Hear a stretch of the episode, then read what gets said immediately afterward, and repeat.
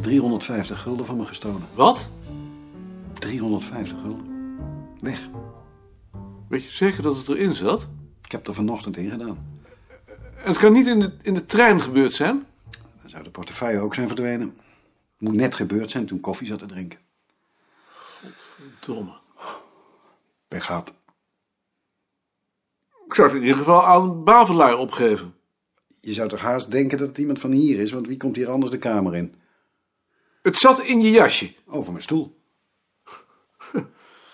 Iemand komt binnen, ziet niemand, ziet dat jasje hangen, grijpt in de binnenzak, haalt het geld uit de portefeuille en stopt hem weer terug. Ja, zo kan het gegaan zijn. Ik vind dit op een bureau, geloof ik, het ergste wat er is. Ja?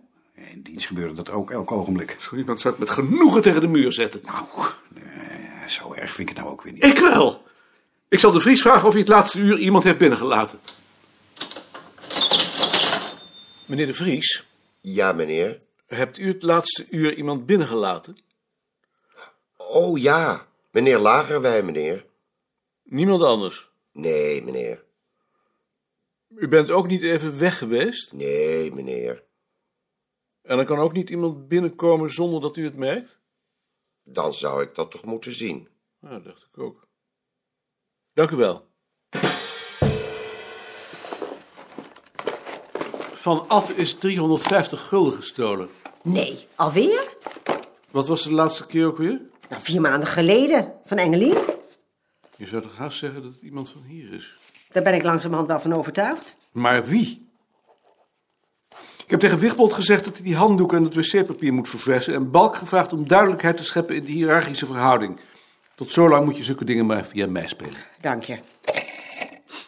De Vries heeft het laatste uur niemand binnengelaten. Dat dacht ik wel. Dag Mark. Zeg, ik, eh, ik heb je stuk gelezen. En? Goed stuk. Ja? Maar wat de maatschappelijke relevantie is, dat zeg je toch in je laatste zin? Wat zeg ik daar dan? Eh, mm, het doel van al ons onderzoek is kort samengevat om verschillen en veranderingen in de geestelijke en materiële cultuur in een maatschappelijke context te plaatsen, ten einde het inzicht in functie, betekenis en onderlinge samenhang van de cultuurverschijnselen te verscherpen. Vind dat maatschappelijke relevantie? Ik vind van wel. En reken maar dat die mannen dat ook vinden. nou, des te beter. Zeg maar, eh, ik kom eigenlijk om te zeggen dat ik maandag niet kan. Jij kunt maandag niet. Nou, maar het kan ook wel zonder mij. Hm. Nee, jij moet erbij zijn. Kun je dinsdag? Ja. Hm, ja, ja, ja, ja. Dinsdag kan ik wel. Dan zet ik het in principe op dinsdag. Akkoord. Ad, ik heb een brief van Freek gehad. Die man kan nooit ongelijk bekennen. Hij moet en hij zal het laatste woord hebben.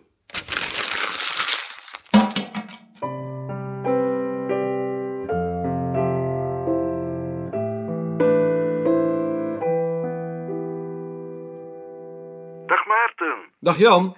ik heb u zojuist een brief geschreven. Maar je zult het ook nog niet ontvangen hebben. Een interessante brief. Dat is te zeggen. Eh, hoe gaat het met u? Goed. Ik moet volgende maand naar Bonn voor een lezing. Eh, heeft Karel jou niet uitgenodigd? Waar is dat voor? Voor Duitse historici. Dat ben ik niet. hè? Eh, en waar spreekt gij over? over de verstening van Holland in de 16e eeuw. Voordat jullie massaal naar ons toe kwamen.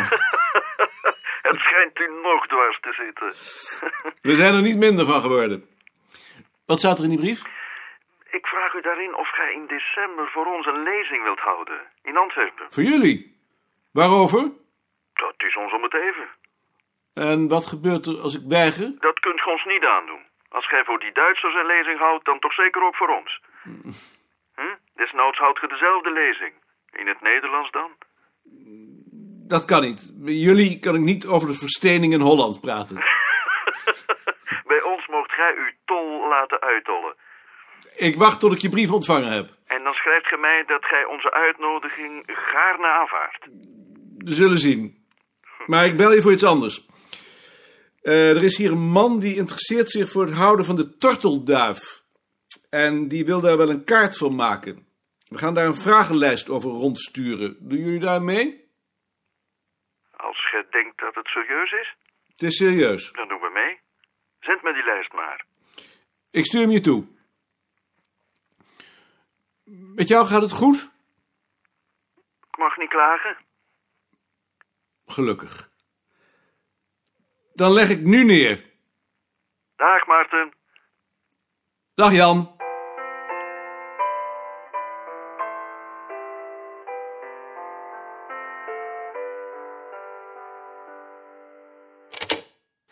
Jan Nelissen vraagt of ik in december een lezing in Antwerpen wil houden. En doe je dat? Ik kan moeilijk weigeren, maar ehm, God mag weten waarover.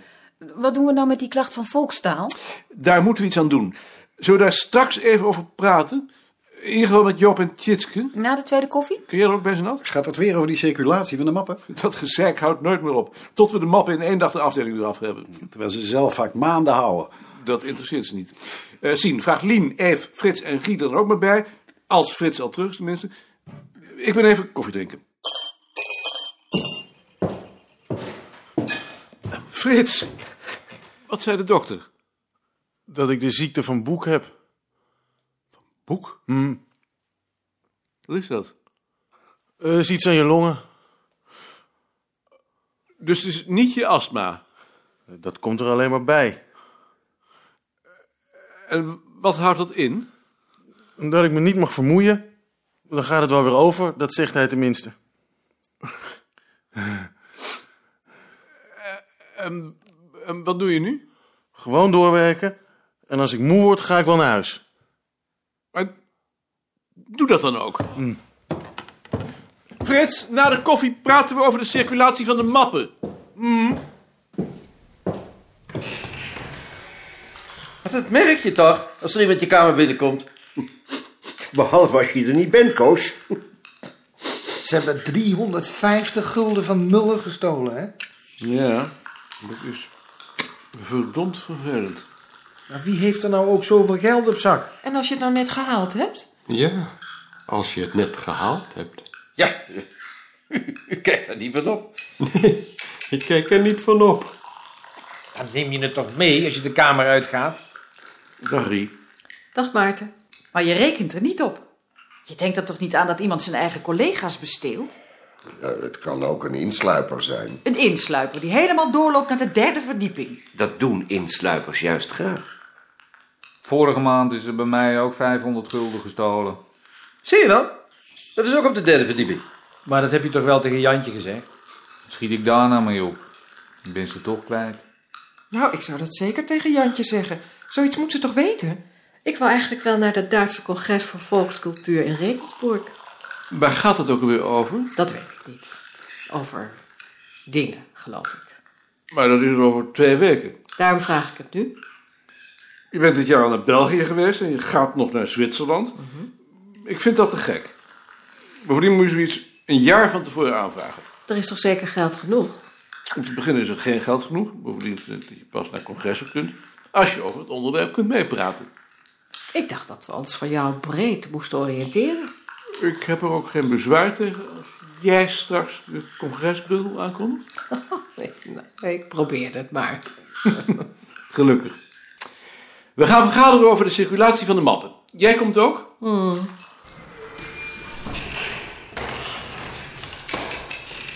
Hé, hey, Manda? Ik dacht, ik ga wel eens kijken hoe jullie het maken. Maar ik hoor dat jullie net gaan vergaderen. Nou, dan vergader je toch mee? Dat heeft toch niks te betekenen.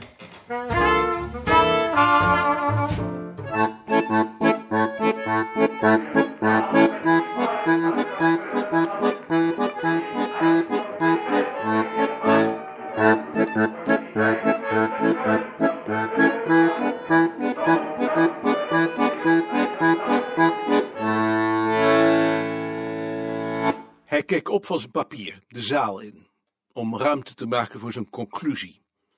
De naamloze gezichten van de Duitsers tegenover hem aan de andere kant van het niemandsland tussen zijn lessenaar en de eerste rijen van het amfitheater waren naar hem toegewend. Zelfs van de hoogste rijen waar de studenten van Appel zaten kwam geen geluid. Terwijl hij weer op zijn papier keek, voelde hij een heimelijke voldoening, macht. Faatziet. Das Bauernhaus ist einer der ersten Gegenstände aus der materiellen Kultur, für den man sich in unserem Fach im letzten Viertel des vorigen Jahrhunderts anfing zu interessieren. In meinen Darlegungen habe ich dazu ein Beispiel aufzeigen wollen. Het was goed. Dank je.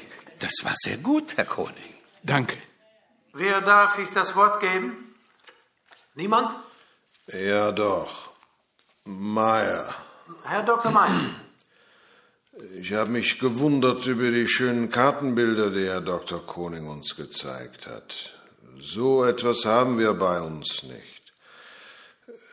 Gibt es dafür vielleicht eine Erklärung? Dann- Gibt es dafür eine Erklärung?